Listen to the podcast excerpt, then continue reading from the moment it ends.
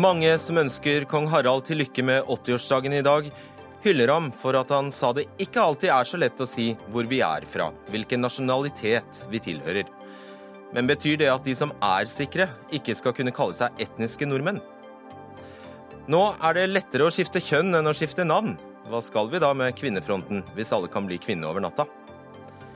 En million mennesker lever på sultegrensen i Sudan etter at hungersnøden har brutt ut. Vi får ikke penger fordi problemet ikke er trendy nok, sier UNICEF. Og Høyre advarer Arbeiderpartiet mot å samarbeide med KrF. Av hensyn til Arbeiderpartiet neppe.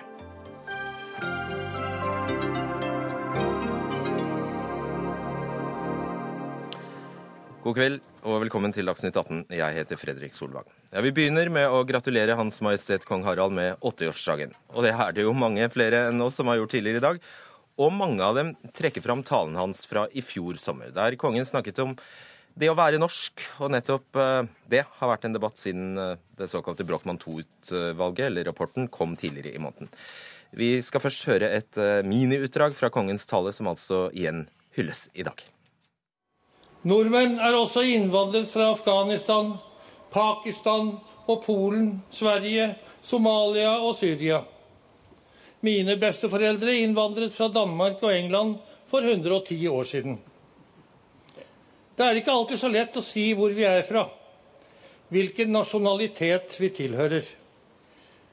Det vi kaller hjem, er der hjertet vårt er. Og det kan ikke alltid plasseres innenfor landegrenser. Nordmenn tror på Gud, Allah, altet og ingenting. Sa Hans Majestet i Slottsparken i september i fjor. Og etter Brochmann-utvalgets rapport, som altså handler om de økonomiske ringvirkningene av innvandring til Norge, har det foregått en debatt om dette begrepet etnisk norsk og betydningen av det. Forskningsdirektør ved Nobelinstituttet Aslak Toje tok Asle, unnskyld, Asle Toje tok dissens i utvalget og mente etniske nordmenn må komme i mindretall hvis innvandringen forblir høy. Og han mente også at høy og permanent innvandring vil bli en akutt utfordring for norsk kultur. Thomas Mikael Valle, du er førstekonservator ved Norsk Folkemuseum. Hva betyr etnisk? Hva betyr dette ordet? Ja, etnisk er jo et eh, begrep som eh, oppsto på 60-tallet for å prøve å begrepsfeste eh, tilhørighet innenfor grupper, innenfor fellesskap, uten å snakke om en form for kulturell essens, altså uforanderlighet, og som kanskje vektla i større grad grensene mellom ulike grupper enn innholdet innafor gruppen. Det kan du si er utgangspunktet for begrepet. og så er det blitt brukt i seinere tid veldig mye når man snakker om det flerkulturelle samfunn og ulike etniske grupperinger innenfor samfunn som består av folk med ulik tilhørighet. Det er, det er sånn bruken er, er vanlig da, innenfor, innenfor forskningen. Mm. Nå har vi jo til og med fått etnisk mat og etniske ja. klær. Nå er alt etnisk, plutselig. Det kan også brukes som en sånn slags sånn merkelapp på noe som er annerledes, altså det som er eksotisk. Er eksotisk. Eh, så det er et begrep som kan gis veldig mye ulik betydning. Eh, det jeg tenker på når vi hører eh, Hans Majestet Kongen prate, så, er det jo at han ikke nødvendigvis snakker om etnisk, etnisitet og det etnisk norske, men han, har, han snakker om nordmenn og hvem som inkluderes i dette norske fellesskapet ja. Når man da eh, bruker dette begrepet etnisk, f.eks. etnisk norsk, snakker vi da genetisk eller kulturell eh, avstamning? Ja, Det er jo akkurat det som er kanskje problemst problemet med disse begrepene og hvordan har, eh, denne debatten har artet seg. For det er litt uklart hva man faktisk mener når vi sier etnisk norsk i denne sammenhengen. Eh, jeg vil mene i hvert fall at eh, den måten å snakke om det på som en slags sånn fremskrivning av befolkningen basert på, på landbakgrunn, da er etnisk norsk et litt upresist begrep. For det handler veldig mye om, mm, om tilslutning til et fellesskap hvor hele ideen om at det er flyktig, at det er noe dynamisk i det, er, er vesentlig. Men må etnisk innbefatte, og jeg vegrer meg for å bruke ordet, men rase? Eh, jeg mener jo at det er mulig å tenke på etnisitet som noe kan, som kan inkludere folk med ulik bakgrunn. Eh, jeg tenker på deg som en person som jeg ganske lett ville tenke inn i det etnisk norske, fordi det handler veldig mye om språk, det handler om tilhørighet til noen felles eh, felles Mener du det? Hvis jeg hadde sagt til en fremmed at jeg er etnisk norsk, tror du ikke jeg hadde fått uh, veldig hevede øyenbryn tilbake da? Jo, det ville du, men jeg tenker at det er veldig viktig at vi er presise på hva vi mener når vi bruker disse begrepene. Ehm, og at det norske, altså det etnisk norske, det vi snakker om når vi snakker om etnisitet, ikke handler om, eh, om rase og blod og, og gener, men at det handler om, eh, om tilslutning til verdier. da. Mm. Om også, den kulturen og de tradisjonene man har Ja, som, som i da hele tiden vil være. Og så tenker jeg også Det er viktig å huske på når vi snakker om eh, etnisitet, at det ikke bare handler om et, et gitt sett av mennesker. Det handler jo både om at man ekskluderer og inkluderer folk i disse gruppene, og at det ikke alltid er fullt det er liksom helt klart hvem er det som inkluderer noen inn, hvem som sitter og har sanksjonsmulighet på hvem, hva som inkluderes inn og hva som ekskluderes. Sånn at eh, Når vi snakker om etnisitet innenfor forskningen, så er det alltid viktig å tenke på eh, eh, spenninger innafor det som defineres som det etniske fellesskapet. Godt det er mange mennesker som da i Asle Toyes forståelse regnes som etnisk norske, som motsetter seg å bli en del av hans etnisk norske begrep. Basert på kjønn, basert på etnisitet, basert på klasse eller eventuelt avstamming. Da. Er du etnisk norsk? Eh, Jeg vil påstå at jeg er etnisk norsk. Jeg fremstår som etnisk norsk i alle mulige sammenhenger. Og jeg har aldri møtt eh, reaksjoner på at jeg ikke er etnisk norsk. Jeg jeg er ikke det ut fra Asle Tøyes eh, forståelse. Jeg har en far som er født i Pakistan. eh, Og passer egentlig ikke da inn i det, det bildet, men jeg vil påstå at jeg selv er etnisk norsk, ja. Takk skal du ha. Thomas Mikael Volle. Hege Ulstein, du er kommentator i eh, Dagsavisen.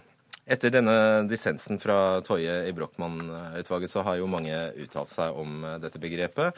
I går tvitret f.eks. For forfatter Anne Holt eh, eh, et forslag som gikk ut på å skrote begrepet fordi det er unødvendig, sa hun, og i stedet skulle, ville hun at vi bare skulle bruke norsk som eh, i forståelsen norsk statsborgerskap, det, at det holder. For da sparer vi oss for en milliard timer med utmattende, unødvendig diskurs, mente hun.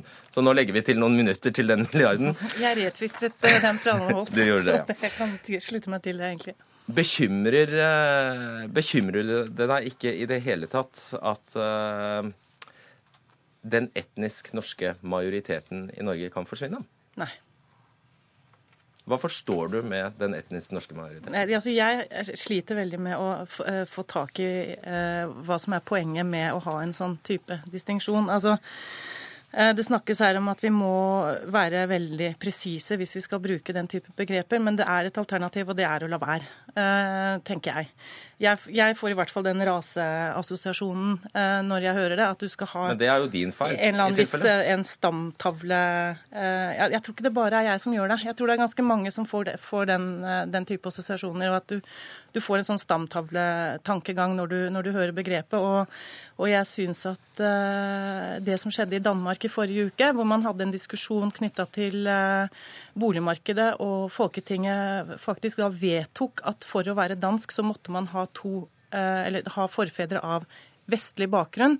Altså, da er man ute på en, eh, på en vei som, som er langt unna blodvernlovene, men, men den, den, den minner for mye om det eh, til at jeg syns det er noe vits i å gå den veien. Kristian Tybing-Redde, stortingsrepresentant for Fremskrittspartiet. Nordmenn tror på Gud, Allah og alt, altet og ingenting, sa kong Harald her. Eh, han sa også at det ikke er så lett å si hvor vi kommer fra alltid. Eh, og han nevnte at hans egen besteforeldre jo da har innvandret fra Danmark og Storbritannia. Likevel mener du altså at dette begrepet etnisk norsk er fruktbart. Hvorfor det? Jeg sier at det er fruktbart i den sammenheng at eh, det er Statistisk sentralbyrå som bruker dette begrepet.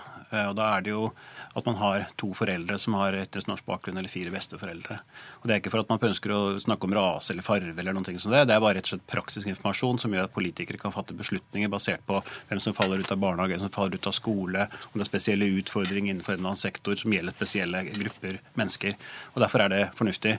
Eh, Når Ulstein sier at hun ikke frykter noe hun ikke vet hva er, så er kanskje det litt vel naivt. Først må du da definere hva det er, og bli enige om det. Jeg er helt uenig med den definisjonen du har. altså eh, Hvis du snakker om rase og sånn, så er jeg enig med deg da, Frøyda. da, er jeg enig med deg at det er et begrep vi ikke bør bruke.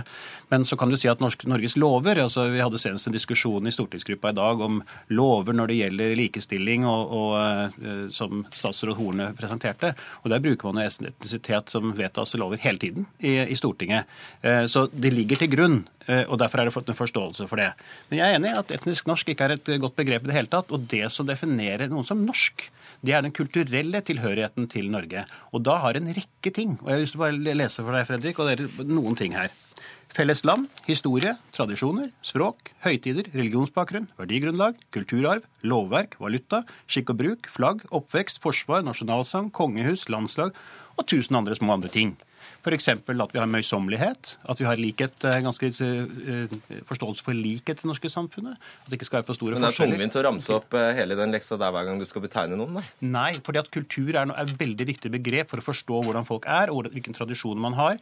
Oppvekst er viktig. Selvfølgelig får man jo spesielt forhold til hvordan man behandler hverandre gjennom å være, eh, ha oppvekst i Norge, f.eks. Ok, Ulstein. Ja, altså, øh, nå nevnte du f.eks. religion som en av de tingene som gjør deg norsk. Er det kristendom, eller kan det være andre religioner? Historisk har det jo vært kristendom i Norge. Ja, men det det var ikke vi- det jeg spurte om. Kan en etnisk norsk nordmann være la oss si, buddhist eller muslim? Ja, det er jo mange som har konvertert, og sånn sett er jo ikke det noe problem. Men, ja, men altså, hvis man ikke har konvertert altså, Hvordan, altså, hvordan vil du plassere religion inne? For jeg synes det er interessant. Altså, du, du nevner 17. mai, du nevner nasjonaldagen, du nevner landslaget, du nevner språk, Mm. en rekke ting, men så har du religion inni der, og det syns jeg er interessant. Hva, hva, at hva legger du i det når du tar det inn i, Kultur i snakket jeg om, og kultur er basert på historien og tradisjoner. Og Norge har vært et kristent land i tusen år. Helt siden kristningen av Norge. Og så har man bygget da både kirker og andre eh, basert på det kristelige grunnlaget. Og så har vi også fått en kultur basert på det kristne verdigrunnlag. Vi har påske, vi har jul, vi har alle eh, kristne høytider som vi feirer. Det er klart at det er grunnlag. Men det betyr Men jeg er ikke ikke kristen, er jeg da ikke etnisk Nei, ikke jeg heller. Men poenget er jo ikke det. Men poenget er kulturen og Ja, okay. tradisjonen man har innenfor det kulturelle og kristenkulturelle samfunn. Uh, Ulstein, jeg, jeg pleier jo ofte, hvis jeg skal møte noen fremmede for første gang, så pleier jeg å gi dem en, beskriv, da, å gi dem en beskrivelse. Og da må, føler jeg at ok, da sier jeg at jeg ser asiatisk ut. Hvis du er i Asia og står i samme situasjon, hvordan beskriver du deg selv? Uh, husker, hva er det de kaller det? Farang, er det ikke det? Men uh, nei, altså jeg, jeg vil vel si at jeg har eh, blondt hår og blå øyne og Altså Hvis jeg skal møte noen, så eventuelt jeg har, har på meg rød kåpe Ja, eller og er det ikke da naturlig at vi, at vi kan også her, for det overveiende flertallet, ha et begrep som også innebærer at eh, Som egentlig da innebærer at antagelig er du hvit i huden. Altså, jeg, jeg tenker at det eh, grunnleggende problemet her, som er litt sånn der eh, elefanten i rommet, er hvorfor det eventuelt er interessant at, det, at man lager dette begrepet etniske nordmenn, og så lager man en bekymring for at det muligens kan være en minoritet en eller annen gang i framtiden. Eh, hvorfor er det eventuelt et problem, og hva eh, går det problemet i så fall ut på? Det er det vi egentlig burde snakke om. Og da forutsetter man jo på et eller annet vis da, at eh, personer som har bakgrunn fra andre kulturer enn den norske, som ikke kan liksom føre genene sine tilbake til Harald Hårfagre, sånn som halvparten av oss faktisk kan, fordi han holdt på ganske mye utenfor ekteskapet.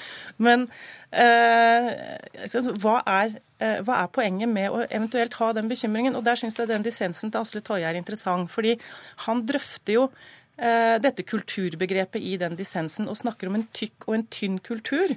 Hvor denne tynne kulturen mener han er eh, det man ofte snakker om når man, eh, når man blir integrert, at man tilegner seg på en måte et, et visst lag av den kulturen man kommer til. Men, mens han snakker om en sånn tykk kultur som man ikke kan tilegne seg, som er liksom, går hundrevis av år tilbake, sånn som Kristian ja. snakker om, som du Nei, jeg- jeg ikke ikke om ikke sant? Så, Jo, du snakket jo om å gå 100 år tilbake og sånn, altså, og historien Vår kultur er basert på den, vår Ja. kulturarv, da. Og vi har et kulturfellesskap som er veldig viktig. Jeg snakker, du, er du er den eneste her som snakker om blod og etnisitet og sånn. Det er ingen andre som snakker om det. Vi snakker om kulturen, og forståelsen av Norge som et land. Og ikke minst er nasjonalfølelsen viktig for identiteten til nordmenn. er det ekstremt viktig å ha nasjonalfølelsen. Det er ingen som reiser på ferie til EU, og det er ingen som reiser på ferie til FN heller. Vi reiser på ferie til Tyskland, Frankrike, Spania, og vi vet omtrent hva vi kommer til, og hva vi forventer å finne der. Det er veldig viktig. Nasjonalstaten er selve grunnlaget for hvordan vi kan fungere sammen, og det er i ferd med å viske ut både internasjonalt og, eh, og globalt. Men Tybring-Gjedde, et enkelt spørsmål. Kan man gå fra å være ikke-etnisk norsk til å bli etnisk norsk? Nei, jeg tror ikke det er mulig. Altså, Du kan ikke være etnisk norsk og ikke bli etnisk norsk. Det er ikke noe du vedtar. Det er ikke noe lov... Du kan ikke vedta det i Du kan ikke endre noe ved deg selv? Så Nei, kan ikke, men du kan tilpasse deg norsk kultur, og da blir du jo norsk. Slik at uh, du er norsk. Men da er det jo bare en veldig pessimistisk, uh, veldig pessimistisk anslag til dagen, f.eks. At, at det er en trussel. Nei, ja. Du, det kommer an på å definere det. Hvis du sier at verdigrunnlaget inngår i det å være etnisk norsk, hvis du sier at det legger likeverd, likestilling, ytringsfrihet, sekulære rettsregler, demokrati og hele den bøtteballetten på verdier Hvis du mener at det er viktig, og du ikke går inn at du kan være etnisk norsk hvis du ikke har de, da er jeg uenig. Men da er jeg enig at det er farlig. Men jeg bryr meg ikke om det er etnisk norsk så lenge det er statistisk eh, relevant. Det er det eneste jeg er opptatt av. Ok, Ulstein til. Ja, altså jeg tenker bare at dette her og den debatten er eh, et tydelig tegn på at den tweeten fra Anne Holt var eh, ganske god, og at vi kan ha gode diskusjoner uten å bruke det begrepet. Har du forslag til hva vi skal erstatte det med, da? Jeg syns vi kan heller snakke om hva som skaper god, god tillit og samhold i samfunnet, og som, eh, og som, kan gjøre Norge til det landet det er godt å ha hjertet sitt i for alle. Og så kan vi droppe den diskusjonen om etnisk bakgrunn, syns jeg. Det er mitt forslag. Ok, du skal få siste ordet, Mann. Ja, nei, Jeg vil bare påpeke det at uh, vi, når vi snakker om etnisitet, og du sier at sentralbyrå, sentralbyrå måler etnisitet, så gjør de jo ikke det. De måler langbakgrunn. og det er der vi, Når vi helt tydelig snakker om forskjellige ting, så mister begrepet funksjon. og Da er jeg helt enig med Ulstein. Da kan vi like godt droppe å snakke om det. Det er misforståelse du sier nå. Faktisk så gjør SSB det. Ok, vi får sjekke med SSB. Takk skal dere ha, Thomas Mikael Valle, Hege Ulstein og Christian Tybring-Gjedde. Dagsnytt 18 alle hverdager kl 18.00 på NRK P2 og NRK2.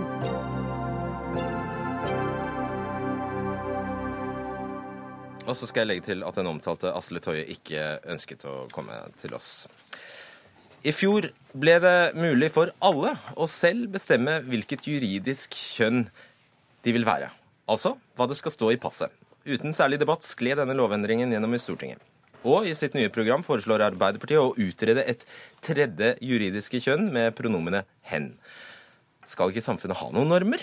Hva er virkelig? Hva er fakta? Hva er opplevd? Og hvis alle kan være kvinne, hva skal vi da med kvinnebevegelsen? Vi begynner med deg, Luka Dalen eh, Espeseth, eh, rådgiver i FRI, eh, som er Foreningen for kjønns- og seksualitetsmangfold. Er du mann eller kvinne? Jeg er mann. Er mann. Hvis noen så deg nakne, nei, unnskyld, hvis noen så deg naken, hva vil de tenke da? Eh, det tror jeg kommer an på øyet som ser, men kanskje en mann uten penis, da. Du har selv bestemt at du skal være mann. Ja. Hvorfor kan ingen andre bestemme at, hva du skal være? Eh, jeg tenker at uh, hvem vi er, uh, er noe som sitter inni oss, og noe som vi vet best selv. Og det er ingen andre som kan bestemme det for oss, og det har vi heldigvis også nå et lovverk som anerkjenner. Hvis du hadde hatt et mer feminint uttrykk, la oss si at du rett og slett hadde sett ut som en kvinne, men insistert på å være mann, ser du at det kunne skapt noen problemer? Ja, ikke noen nye problemer som eh, blir forandra av det her lovverket. Eh, før så hadde jo jeg da kvinne som juridisk kjønn og så sånn her ut. Eh, det måtte samfunnet håndtere. Eh, nå kan jeg velge selv hvilket juridisk kjønn jeg har, og så må det være opp til den hver enkelte eh, hva slags utfordringer man er villig til å gå med på at kan komme, da, tenker jeg. Får det noen praktiske konsekvenser for deg at du eh, blir juridisk mann? Ja, eh, det syns jo i personnummeret ditt og i alle identifikasjonspapirene dine hvilket juridisk skjønn du har. Eh, og da er det relevant i situasjoner hvor det er nødt til å vise legitimasjon. Får det noen praktiske konsekvenser for oss andre at du blir juridisk mann? Nei, det er jo det som er så fantastisk at selv om man får flere rettigheter til flere folk, så er det ingen som mister eh, sine egne. Så da eh, har man jo ikke merka noe til denne lovgivninga, de aller fleste av oss. Men noen har merka det, og det har vært veldig viktig for oss. Hvis jeg sa at jeg er svart, hva sier du? Eh, er du svart? Jeg føler meg som svart. Ja, det er greit. Hvilke noen praktiske Er konsekvenser? Ja, det er greit for meg, selvfølgelig. Hvorfor, eh, og da vil jeg kunne, mener du, kunne kreve respekt for det fra samfunnet? At jeg er svart? Nå registrerer jo ikke vi eh, såkalt ja, problematiske begrepet etnisitet da, i, i Norge, så det, vil jo heldigvis ikke medføre noe rettigheter eller ikke for deg. Um, Det men kunne hvis- jo hende. Diskrimineringsvern osv. Ja, øh, øh, og jeg tenker at da vil det jo være relevant øh, hvilke utfordringer du møter i Så da måtte en domstol tatt stilling til om jeg faktisk var svart eller ikke. Ja, I et teoretisk tenkt scenario så kan man jo tenke det, ja. Mm. Eh, hvis jeg sa jeg var en katt, hva sier du da? Er du en katt? Jeg føler meg som en katt. Ja, det er greit for meg. Det tenker jeg også at det ikke har noen eh, konsekvenser for hvordan samfunnet skal forholde seg til deg, eller det, juridiske lovverket rundt det. Men hvis det fins en gruppe mennesker som samler seg rundt det, og krevende rettigheter på bakgrunn av det, så tenker jeg at det er en debatt vi får ta da. Ja. Jeg var kraftig overvektig og jeg krever operasjon nå, Ja, eh, du kan ikke få det vil, Man må gjøre en helsefaglig vurdering. da.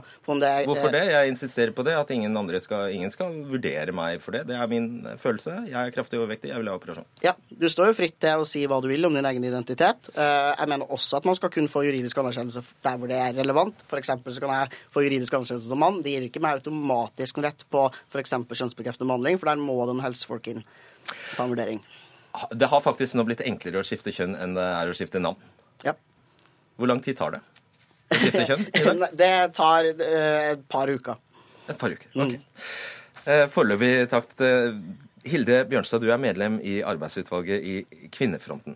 Hva skjer med kvinnekampen når kvinne er noe man eh, definerer selv, og ikke noen man fødes som? Eh, Det skjer ikke noe spesielt med kvinner. Altså, det kommer jo helt an på hvordan man blir utfordret, eller eh, Dere kan få en bråte av nye medlemmer som eh, ser ut som menn. Absolutt. Men jeg tenker at man må se litt på det narrativet der, at transbevegelsen skal ødelegge for kvinnebevegelsen. Jeg er ikke enig i det. Vi har en felles fiende på veldig mange måter, og jeg tenker at Som er menn.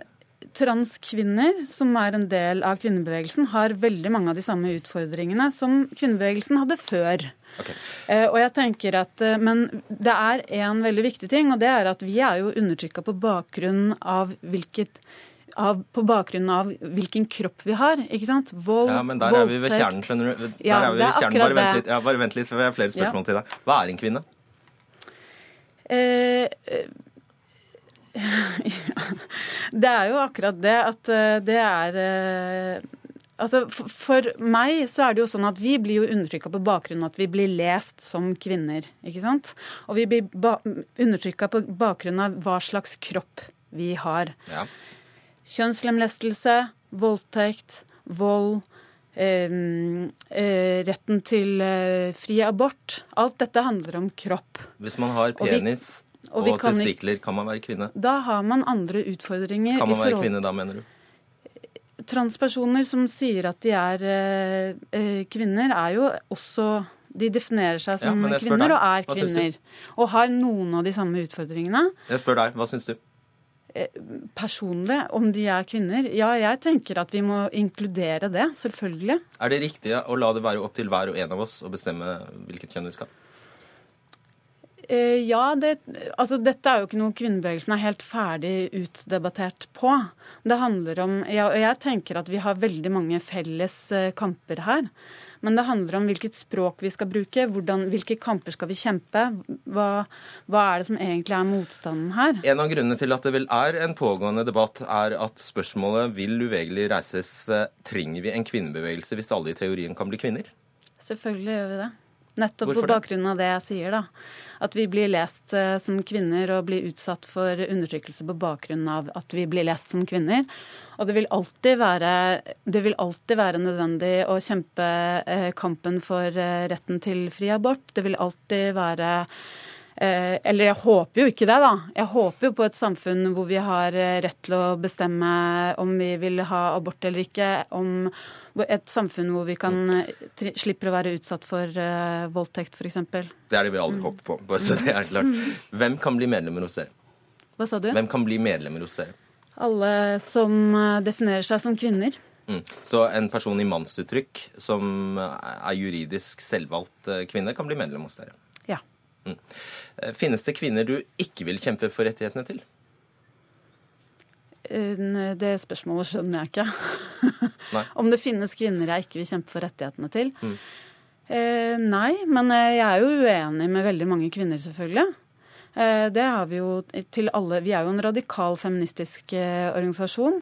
Og jeg tenker at vi er åpen for alle som mener det samme som oss. Vi er åpen for alle som, som føler seg diskriminert på bakgrunn av eh, hvilken At de er definert som noe på bakgrunn av hvilken kropp de er, eller Så du vil kjempe for rettighetene lest. til en juridisk kvinne i mannsuttrykk?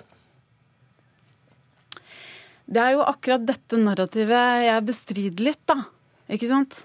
Hvorfor skal, det, hvorfor skal, eh, hvorfor skal vi som kvinnebevegelse hele tiden bli utfordra på det? Jeg forstår ikke det. Fordi det kan skje. Ja, selvfølgelig kan det skje, men da får vi ta en diskusjon på det da. Men hvis vi er helt enige om at vi vil ha en verden uten prostitusjon, uten vold, vi er for sexkjøploven, så selvfølgelig.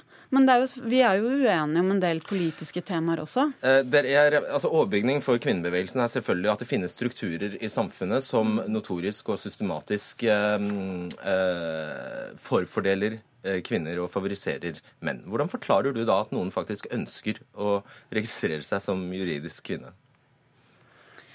Nei, det, det tenker jeg er litt utenfor mitt felt, rett og slett. Jeg bare tenker Det er litt rart hvis, det var, hvis man oppnådde ja, ulemper at, med å være kvinne at, i en så mannsdominert verden, f.eks. Ja, du tenker at jeg skal være kritisk til at noen sier fra seg privilegier? Er det du spør om da, ikke sant? Ja, det er jo det, du, det, er jo det mm. du, spør om. Mm. Ja, da tenker jeg jo at eh, det, det sier jo noe om eh, hva den personen eh, kommer fra og ønsker, da. At når man faktisk er villig til å si fra seg privilegier, så sier jo det noe om hva, hvilke utfordringer den personen står overfor. Mm. Uh, Espeseth, føler dere dere, altså transpersoner, dere velkomne i kvinnebevegelsen? Ja, Det er jo en grunn til at vi er i dag. Det har jo vært en debatt som har pågått, hvor mange kvinner har følt seg ekskludert fra kvinnebevegelsen. Um, nå er det jo godt å høre her som vi hører i dag, at dere er villige til å kjempe for alle kvinner sine rettigheter, og at dere innser at det er viktig for dem som velger å kalle seg kvinne, selv om de ikke har de kroppene dere På hvilken måte blir dere ekskludert? Altså, Jeg blir ekskludert på den måten at jeg er mann, og det er noe helt greit for meg. Jeg har ikke lyst til å være en del av kvinnebevegelsen. Uh, men uh, transkvinner blir ofte omtalt som om de var menn, uh, og ofte ekskludert fra rene kvinnerom. Og det syns ikke vi er greit. Det høres ikke ut som det du sa i sted. Vi må jo også huske at dette er jo ikke en kjempeutfordring for kvinnebevegelsen. Nei, Men det er jo prinsipielt viktig, da. Eh, selv om det gjelder få. Ja, jeg er enig i at det er prinsipielt viktig. Men jeg, jeg, skulle likt å sett en debatt der menn ble utfordra på at de måtte gi rom til transmenn. Det er alltid kvinnebevegelsen, og det handler om kvinnesaker. Og det, vi kjemper for de samme privilegiene, eller mot eh, folk med større privilegier enn oss, da. Jeg tenker at Vi har veldig mange felles kamparenaer. Men Eh, vi blir hele tiden utfordra på det at det ikke er rom for, for menn også, da.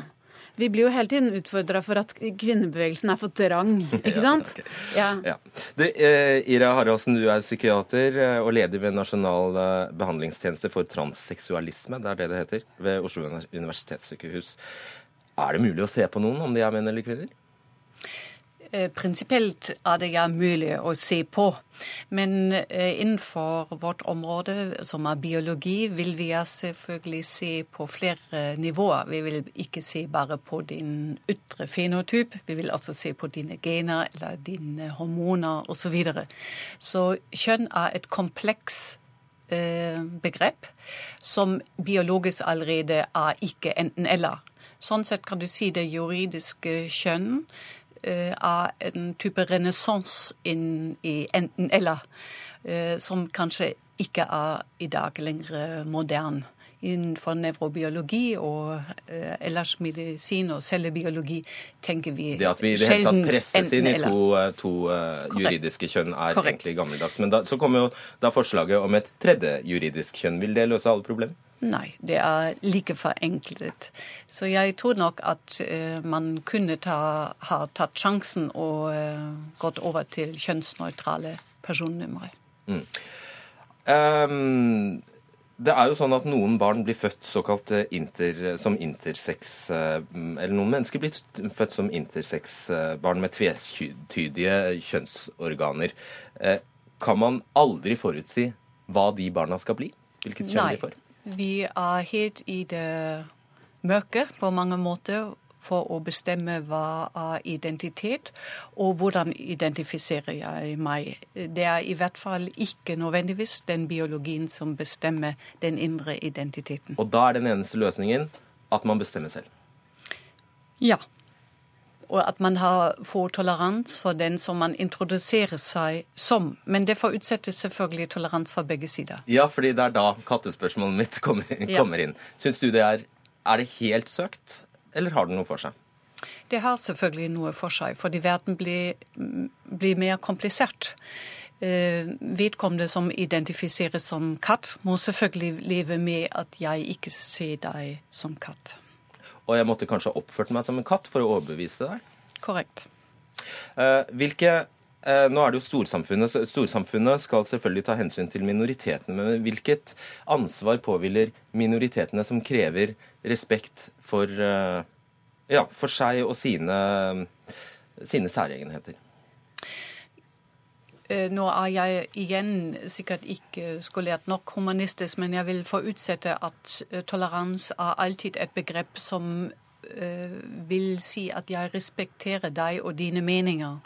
Og flertallet har selvfølgelig snakket i denne saken og mener at vi skal Stortinget har vedtatt at vi skal kunne bestemme vårt kjønn selv, og at vi bestemmer det etter en indre oppfatning. Kan det langt der framme en gang føre til normoppløsning? Det fører i hvert fall til at normene, normene stiller høyere etiske krav. F.eks. når jeg, som definerer meg som mann, vil gå i en mannegarderobe på svømmebad, så forutsettes det at vi to blir enige om om jeg forstyrrer deg når jeg dusjer med deg eller ikke. Siden du, det ser ut som du er en kvinne? Korrekt. Mm. Og motsatt også, kanskje? Ja. Fascinerende og tusen lærerikt. Tusen takk skal dere alle ha, Luka Dalen Espeseth, Hilde Bjørnstad og eh, Ire Haraldsen.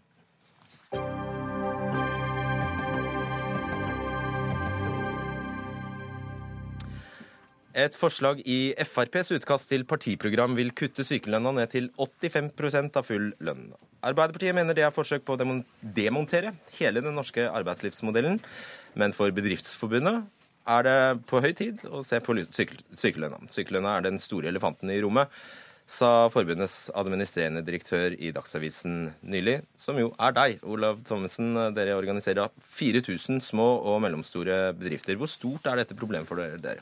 Det er et veldig stort problem for våre bedrifter. Eh, våre, bedrifter, våre medlemmer eh, representerer ca. 90% av alle ansatte i privat sektor i Norge. Eh, og når man er en 5-10-15 ansatte, så er det rekordhøye sykefravær vi har i Norge, som er dobbelt så stort som i Sverige, et stort problem. Eh, det er et problem for eh, produktiviteten. Det er et rent kostnadsproblem. Eh, det koster ca. Altså 3000-5000 kroner hver dag med, med den type korttidsfravær. Så det er et stort problem. Så vi har også bare sagt at vi snakker om korttidsfravær. Eh, langtidsfravær er en annen diskusjon. Og det må også legges til grunn at er man syk, så er man syk. Eh, men at man må diskutere sykelønnen som en elefant i rommet, det er helt nødvendig. Eh, Dag Terje Andersen fra Arbeiderpartiet, medlem av arbeids- og sosialkomiteen på Stortinget og tidligere statsråd for samme område. Hvorfor full lønn? Hvorfor ingen forskjell på om du er syk eller jobber? Opprinnelsen til at det ble full lønn uh, under sykdom, var jo at veldig mange hadde full lønn under sykdom. Det var altså veldig stor forskjell. Altså F.eks. administrerende direktør i Bedriftsforbundet ville neppe fått trekk for en første sykedag. I hvert fall mange i ledelsen hadde ikke det den gangen. Uh, mens arbeidsfolk på, på timelønn eller daglønn hadde det. Uh, så det var i utgangspunktet et rettferdighetskrav. Så, så Tidene forandrer seg, da. Mm? Tidene forandrer seg jo. Ja, og derfor er det dumt å gå tilbake til det som var før det. Altså, Jeg mener jo Thommessens innspill er tilbakeskuende, men jeg deler fullt ut problemstillinga knytta i forhold til sykefravær. og Det var jo grunnen til at vi fikk på plass IA-avtale allerede i 2001. Eh, nå er den stadig fornya, det gjelder fremdeles, og sykefraværet har gått ned. Så jeg er absolutt for at vi gjennom tiltak på arbeidsplassen, både fysisk og psykisk, skal jobbe for partene sammen og myndighetene for å få sykefraværet ned. Men det som vi ser nå, er at nasjonalt så er sykefraværet ganske stabilt. Det har faktisk ikke øka noe særlig de siste årene. Men likevel året. fortsatt blant de høyeste i verden, da må vi påpekes. Helt riktig. Men så ser vi noen eksempler nå som jeg mener er grunn til å ta veldig på alvor. Og Det er det vi ser i Rogaland, Hordaland, altså de områdene som nå har hatt størst vekst i arbeidsledigheten. At det slår ut på økt sykefravær. Ja, hvordan forklarer man det? Ja, Det er altså noe som er veldig vanlig. for det at Bl.a. rent psykologisk i at det å være utrygg for jobben eller å ha mista jobben er jo en åpenbar faktor. Så jeg mener faktisk at det aller viktigste vi kan gjøre for å få ned sykefraværet, det er å sørge for at folk er trygge for å ha jobb, og at de er trygge i jobb. Ja, og dette, det, det, det var Dagbladet som brakte den uh, nyheten i dag, uh, Andersen og Thommessen. Det at det er en så nær sammenheng altså Når folk mister jobben, så øker, eller arbeidsledigheten stiger, da, så øker også sykefraværet. Det betyr jo at uh, det er ikke kutt i sykelønnsordningen som er svaret, nødvendigvis. Eh, det er jo et anekdotisk eksempel fra en helt ekstraordinær situasjon i Norge i dag på Sør-Vestlandet, hvor, eh, hvor, vi har hatt eh, ekstraordinære situasjoner. Det vi vet, det er at hvis du ser på sykelønn, sykefravær i Norge, som er dobbelt så høyt som i Sverige, som er et helt sammenlignbart land, så skulle man jo tro at vi har det fryktelig ille i Norge. Det har vi ikke. Ledigheten er høyere i Sverige, og de har lavere sykefravær. Eh, så det er, ikke noen, det er ikke noen direkte sammenheng mellom ledighet og sykefravær. Åpenbart ikke. Eh, men, men, det vi ser, er at alle andre land som det er naturlig å sammenligne oss med, som Sverige, har en karensdag, har avkorting i sykelønnen og har et mye lavere korttidssykefravær. Hva betyr karensdag? Karensdag betyr at den første dagen eh, får du ikke lønn for. Ehm, eh, og Det går jo vi i Bedriftsforbundet inn for. Eh, og Det har vi fått veldig stort eh, tilbakemelding fra våre medlemmer på. Det er helt nødvendig. Vi får spørsmål fra våre medlemmer som ikke vi kan svare på. Hva er grunnen til at sykefravær er så mye høyere under vinter-OL? Hva er grunnen til at sykefravær er så mye høyere etter en ferie eller rett før en ferie? Og Jeg skal ikke spekulere i det, jeg bare noterer meg at det er spørsmål vi får. Og, og, og vi, må, vi, må, tørre, og det tror jeg Arbeiderpartiet er enig i, vi må tørre å på en måte diskutere den elefanten i rommet som tilsier at vi har et for høyt sykefravær. Og vi må se på alle mulige tiltak som ikke bare dreier seg om å ta de samme tiltakene som er prøvd til nå. For det er riktig, jeg skal bare fullføre, jeg skal bare fullføre ett liten ting. Du snakker lenger, skjønner du. Jeg skjønner det. Men det er riktig som Andersen sier, at, eh, at eh, sykefraværet har gått noe ned. Men noe ned. Et snaut prosentpoeng har det gått ned. Det er allikevel altfor høyt. Ja, og da, eh, altså I Sverige, det stemmer det Thommessen sier, at i Sverige ved innføringen av karensdagene så sank sykefraværet. Det har en effekt. Ja, Det som er tilfellet nå, er at vi har lagt en plan sammen med arbeidstakere og arbeidsgivere i Norge, myndighetene, eh, for å gradvis få sykefraværet ned. Siden den ble innført, så har sykefraværet gått ned med 13 eh, Thommessen viser til prosentpoeng, og det kan kanskje være forvirrende, men sykefraværet har gått ned 13% siden det ble innført. og Det handler veldig mye om arbeidsmiljø. Eh, det handler mye både om psykososialt og fysisk arbeidsmiljø. og Det som jeg syns er viktig nå, i den fasen vi er nå, når en ny avtale avtale fra 2014 til 2018, så syns jeg det er viktig, i respekt for trepartssamarbeidet i Norge, som har tjent oss veldig godt på dette området, at vi jobber videre innenfor det vi har lova. Husker du da din egen statsminister Jens Stoltenberg i 2006 ble beskyldt for å torpedere det samme trepartssamarbeidet ved å foreslå endringer i sykelønnsordninga? Ja, Den gangen så var det en diskusjon om arbeidsgiverandelen eh, i sykelønnsordninga, og det er et veldig godt eksempel. Men du husker det? Når vi nå har, ja, men vi har stått fast på IA-avtalen, vi står fast på den fordi at det respekterer både arbeidstakerne og, som du understreker, arbeidsgiverne. Den gangen så var det jo faktisk arbeidstakerne som stilte opp for at arbeidsgiverne ikke skulle få økt andel. Dette må vi jobbe systematisk med. Og når vi ser noen årsaker til at sykefraværet går opp, som f.eks. ledighet. Eller vi ser forskjell på bedrifter. Norsk Industri, NHO-forbundet, har i sitt virkeområde fått ned sykefraværet ganske mye. Da må vi lære av dem som får det ned, og så får sykefraværet ned. Men ikke må skape øke forskjeller på folk. Hvorfor gidder, du, hvorfor gidder, du, å ta denne debatten, egentlig? Den er politisk helt dau. Det er et, min, et, til og med, det er et mindretall i FrPs programkomité i hele Norge som går inn for dette. Ja, det er jeg faktisk ikke helt sikker på er riktig, altså. Min, Ingen av de andre partiene som tør å programfeste? Der sa du hele, hele spørsmålet er tørre, ikke tørre. Og det er dessverre sånn at LO og Arbeiderpartiet legger lokk på denne debatten knyttet til eh, at man ikke skal røre ved dette og legge det inn under trepartssamarbeidet. Eh, vi mener jo at dette bør egentlig opp på Stortinget. Eh, jeg tror ikke vi får gjort noe med dette før det kommer på Stortinget og blir en politisk debatt rundt det. Jeg tror ikke NHO og LO har vilje til å, å røre sykelønnsordninger slik den er, og ta debatten slik den er. Det er det bare et uavhengig forbund som Bedriftsforbundet gjør, og vi representerer tross alt ryggmargen i norsk næringsliv som ikke er organisert, og som ikke er en del av trepartssamarbeidet, som ikke er en del av LO eller NHO. Eh, og de blir ikke hørt. Og det er, det, det er småbedriftseierne, det er gårdeierne, eh, eh, det er frisøren på hjørnet, det er mekaniske verkstedet på Ørsta. Det er de som er ryggraden i norsk næringsliv. De blir ikke hørt i dette trepartssamarbeidet, og de som lider under dette. Så skal man først snakke om forskjeller i Norge og i norsk næringsliv, så er det forskjeller på hvem som er med, og hvem som er utenfor. De som er utenfor, er med hos oss. Andersen. Det som er tilfellet nå, er at vi har en IA-avtale som har veldig brei politisk oppslutning. Det er ikke noe som Thommessen gir inntrykk av at det er noe som har blitt eh, i samarbeid mellom LO og Arbeiderpartiet bare. Dette er en brei avtale som er, har vært under forskjellige regjeringer. Eh, sånn at det er brei enighet eh, om det at når en gjør en avtale, så skal en stå med den, og så skal en jobbe systematisk. Og Jeg har altså ingen tro på at det, at grepet for å få ned sykefraværet er å gjøre folk som blir syke, dårligere stilt økonomisk, fattigere. Eh, det som er situasjonen nå, er at den aller største utfordringen vi har Tror du aldri at pisk fungerer? Det største utfordringen vi nå har, og det ser vi på de tallene vi var så vidt inne på, er at hvis vi ikke får tak på sysselsettinga, får tak på arbeidsledigheten, får slutt på den situasjonen at det stadig mindre andel av befolkningen er i jobb, da kommer sykefraværet til å gå opp. Og det håper jeg Thommessen er enig i at vi bør se å få gjort noe med. Eh, tilsvarende til deg, det er jo en forutsetning i alt du sier her, at du mistenker folk for å eh, fake eller late som de er syke. Nei, jeg mistenker, jeg mistenker, ikke, jeg mistenker ingenting. Jeg bare noterer meg at vi har altfor høyt sykefravær, og jeg får en tilbakemelding fra våre medlemmer knyttet til visse tider på året, men jeg mistenker ingenting. Men det, det, det, det som jeg mener er et poeng, det er at hvis man først skal snakke om forskjellsbehandling, så er det stor forskjell på offentlig ansatte og private ansatte. Og innenfor private ansatte så er det stor forskjell på små og, og, og større bedrifter. Og de små bedriftene, som er ryggraden i norsk næringsliv, blir her ikke hørt. Så det Arbeiderpartiet burde gjøre, okay. det var å se til dem og se til at her skal det ikke være forskjellsbehandlet. Og så er det bare en bitte liten ting til. Jeg skjønner at jeg er på overtid. Så er det eh, sånn at ja, det er riktig, ja, det, det, det er riktig at sykefraværet har gått ned ett prosentpoeng totalt sett, men det egenmeldte som vi her snakker om, korttidsfraværet, egenmeldte sykefravær, har gått opp i samme periode. Ok, vi får, vet hva? Altså, ja, nå kan jeg da informere om at det ble lagt fram nye tall fra Statistisk sentralbyrå i desember som sier at det egenmeldte sykefraværet er eh, stabilt. Men det er også litt forskjell på hvordan en jobber, enn programlederne. Jeg jobba i skauen alene, stort sett bare traff kjøreren om dagen. Da gjorde det ikke noe om jeg var litt forkjøla og gikk på arbeid. Hvis jeg hadde drevet i helsesektoren, så hadde det kanskje vært bedre at jeg var hjemme for ikke å smitte andre. Og Den type forskjeller må vi faktisk respektere at det er i samfunnet. Nei, nei, nei, nei, nei. Takk, Dag Terje Andersen og Olaf Thommessen.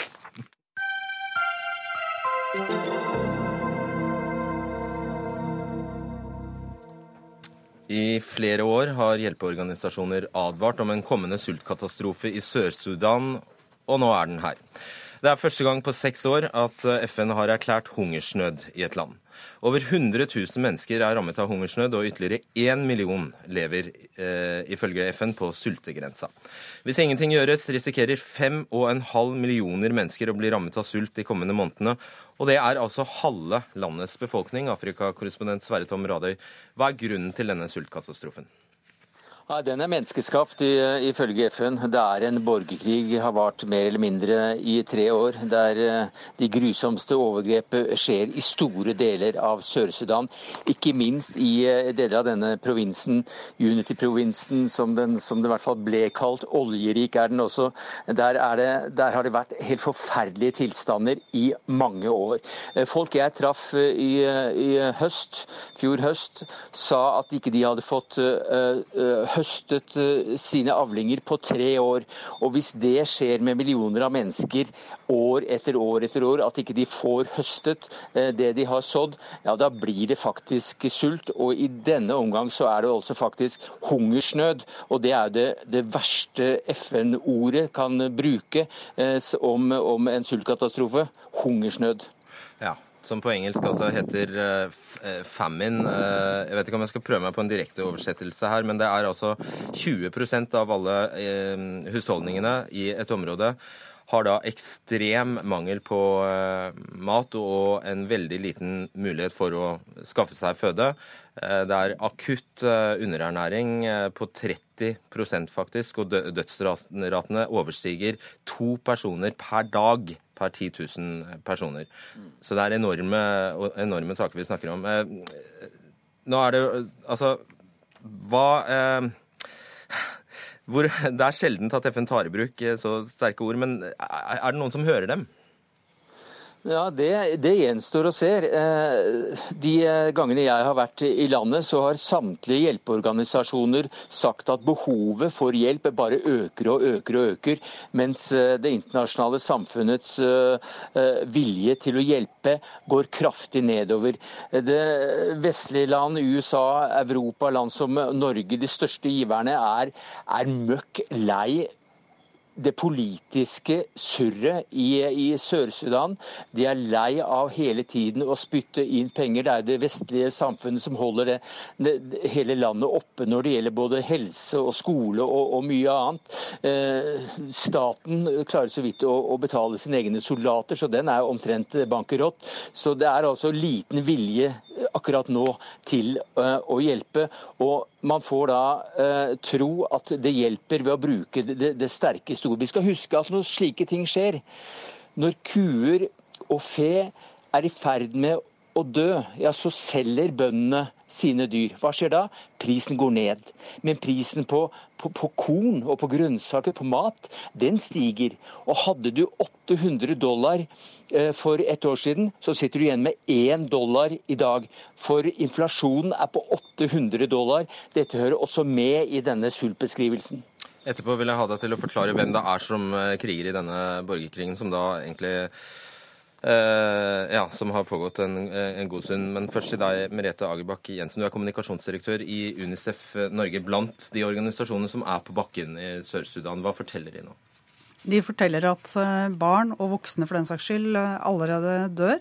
Det er helt kritiske tilstander. Folk spiser det de måtte ha for hånd som måtte ha litt næring. Det er gress, det er planter. Eh, det er fisk i den grad de klarer å ta til seg det. Men ellers er det fullstendig krise. Og dette med hungersnød er ikke bare et ord. Det er en tilstand som krever helt spesielle kriterier som man sjelden tar i bruk, og det må vi dessverre gjøre nå. Hva merker dere når dere skal ut og samle inn penger for Sør-Sudan?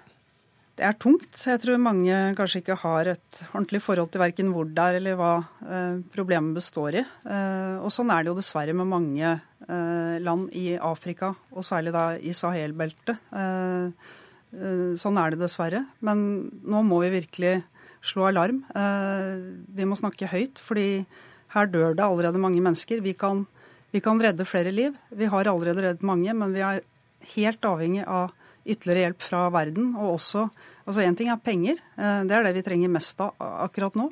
Men vi trenger også bistand til å få en stopp på konflikten og krigen som gjør at eh, forsyningene ikke kommer frem. Eh, og Da vil jeg tilbake til hvem det er. Hvem er partene i denne borgerkrigen, Sverretom? Det, er først og fremst to parter som, som det er blitt satt fokus på. Også det er Eh, presidenten og hans eh, stamme, og så er det den tidligere visepresidenten og hans stamme. Nå er det ikke så enkelt, men disse to har kjempet mot hverandre i, i, i tiår. Eh, og, og det ble skikkelig blodig for tre år siden, og alle har tatt de verste metodene i bruk. Det snakkes om krigsforbrytelser, og hvis de blir tatt, så kan det hende at de, de ender i Haag, noen og enhver her. Men vi skal huske på at Sør-Sudan er nå én ting. Der kan det bli mye, mye verre. Og FN har spådd denne katastrofen eh, en god stund, og de spår nå at den blir mye verre. Og dette gjelder også i hele store deler av Sahel-området. Altså Nigeria, Niger og Tsjad, disse landene som omkranser Tsjadsjøen, der står ti millioner mennesker i fare for å dø av sult hvis ikke det, dette blir bedre.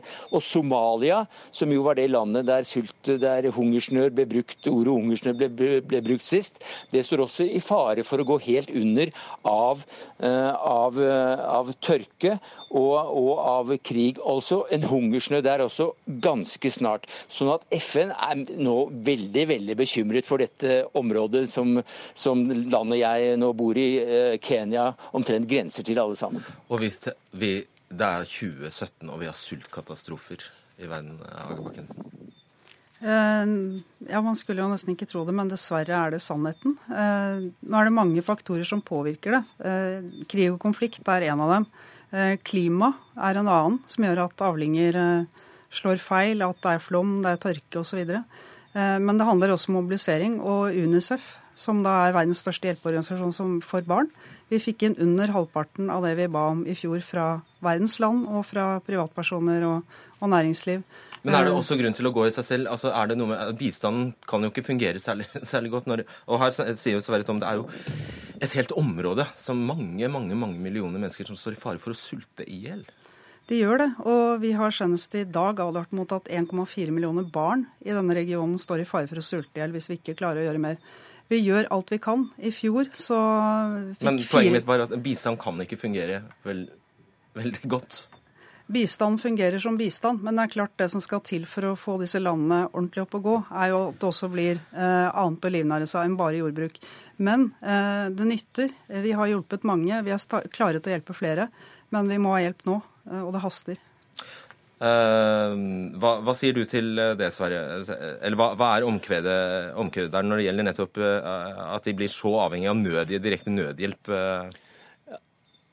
Det er nok helt eh, sikkert riktig at eh, her må det en politisk løsning til før det virkelig kan bli bedre. Så får man kjempe eh, mot naturkreftene på en, på en måte som er mer fair. Men nå, nå er det mye borgerkrig og terror som preger disse områdene som utsettes for sult.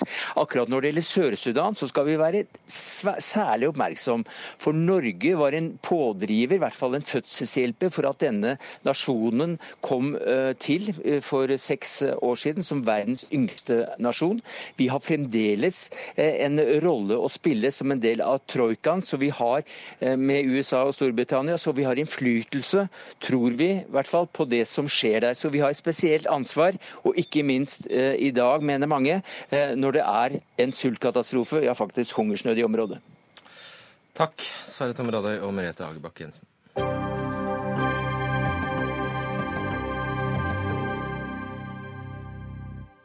Hvorfor skal man gidde å stemme SV når Arbeiderpartiet sier de ikke vil samarbeide med dem? SV blir nå et irrelevant parti og har bare sin egen ulykke å true med, mener Høyre. Det vil si deg, Henrik Asheim, stortingsrepresentant. Hva er det du mener egentlig? Nei, det er jo Bakgrunnen for dette er jo at Jonas Gahr Støre i sin tale til landsstyret i Arbeiderpartiet sa at vi sitat, må samarbeide med sentrum. Eh, Og det, I det legger han Senterpartiet og Kristelig Folkeparti. Eh, Så er det sånn at SV med Audun Lysbakken som leder har garantert at de støtter Støre som statsminister og vil sikre flertall for det. Kanskje ikke så overraskende, men problemet er bare at da har Støre allerede nå sagt at han gjerne tar imot stemmene deres, men han skal ikke gi noen innflytelse, fordi han skal danne regjering med sentrumspartiene. Ja, Og hvem er det din omsorg rettes mot? Nei, Min omsorg rettes først og fremst mot det faktum at vi nå har en statsministerkandidat for Arbeiderpartiet som gjør opp uten vert. Fordi han enten så sier han tar han bare SV for gitt, eh, eller så må jo SV snart avklare hvor kravene deres ligger. Fordi hvis ikke så eh, er det jo absolutt ingen grunn til å stemme SV. For en stemme til SV vil bare være en stemme til et støtteparti. Og hvorfor skal, skal du bry deg om det? Fordi jeg mener det er veldig viktig å vite hva som er alternativet til den regjeringen vi har i dag. Eh, Og hvis ikke Arbeiderpartiet vil svare på om de skal ha SV med i regjering, og SV ikke vil svare på hvilke krav de stiller, bare blankt stemme på Jonas Gahr Støre, så vet vi faktisk ikke hvilken politikk vi får. Kari Elisabeth Kaski, partisekretær i SV, hva sier du til dette? Det er jo en litt eh, ellevill eh, sak som, eh, som Høyre og Henrik Asheim har, har kokt sammen her. Um, og jeg skjønner det jo litt, og jeg syns jo litt synd på Høyre. For det er klart at det borgerlige regjeringsprosjektet er jo i ferd med å smuldre sammen her. Uh, og de mister jo den ene samarbeidspartneren etter den andre. Både KrF først, som, som ser mot Venstre, og, og, og Venstre nå, som uh, jo eh, er tydelig på at de ikke vil samarbeide eller gå inn i noe forpliktende samarbeid med Frp etter valget. Og det er klart at da er vi jo tilbake til 2009 og borgerlig kaos. og vi vet ikke... ikke... analysen på den andre, din egen side har han jo rett i. Analysen uh, på, på Venstre er jo ganske klar. Vi uh, i SV går jo til valg på en ny regjering, det er sikkert og visst. Og så sier vi at uh, vi også er, eh, vil ha gjennomslag for vår politikk for å kunne gå inn i et forpliktende samarbeid. Vårt mål er å gå inn i regjering eller å ha en samarbeidsavtale i Stortinget, avhengig av hvordan, eh, hvor mye eh, gjennomslag Og vi får vips for var dere politikken vår. irrelevant, som Asheim sier. Eh, nei, fordi det er faktisk sånn at SV er ganske viktig hvis vi skal få til et rød-grønt flertall i etterkant av valget. Så en stemme på oss vil både innebære regjeringsskifte og en ny politikk. Og vi er garantisten for at du faktisk får endring, og at du får eh, en ny politikk og ikke bare litt sånn suppe i sentrum. Det er dette som er da SVs politiske prosjekt nå, er å komme over 3,9 Eh, At det på en måte er den store, viktige rollen SV har, det er å komme over 3,9% Men poenget er at Som gjelder opp til flere partier om dagen? Ja, men det er, fint, det er viktig å komme over sperregrensen, men poenget er at hva skal de bruke makten til? Altså Enten så må SV snart si hva som er forskjellen på å samarbeide med SV eller med sentrumspartiene, eller så er det jo bortkastet å stemme på SV, fordi SV er en garanti garantist uansett for Støre. Og Støre sier tusen takk for støtten, men jeg vil ikke ha noe med dere å gjøre.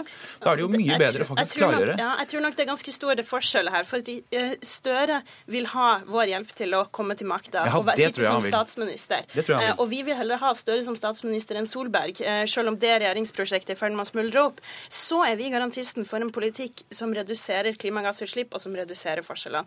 Våre krav vil handle om at man skal få på plass flere lærere, at man skal si nei til profitt i velferden, at man skal øke Ok. barnetrygda, og at vi skal si eh, aldri svikte Lofoten, Vesterålen og Senja, og at oljefondet må trekke seg ut av fossil energi. Det er, vår, det er vår garanti. Ja. til Hvem skal. Høyre samarbeide med etter valget, du, Henrik Asheim? Vi har sagt at vi vil samarbeide med Fremskrittspartiet, Kristelig Folkeparti og Venstre. Og de tre partiene, i tillegg til Høyre åpenbart, har pekt på Erna Solberg som statsministerkandidat og sier at hvis det blir borgerlig flertall, så skal de fire sette seg ned og forhandle en ny regjering. Og når Venstre da sier det er uaktuelt å både sitte i regjering med Frp og antagelig, antagelig inngå en ny avtale med Frp og Høyre, Ja.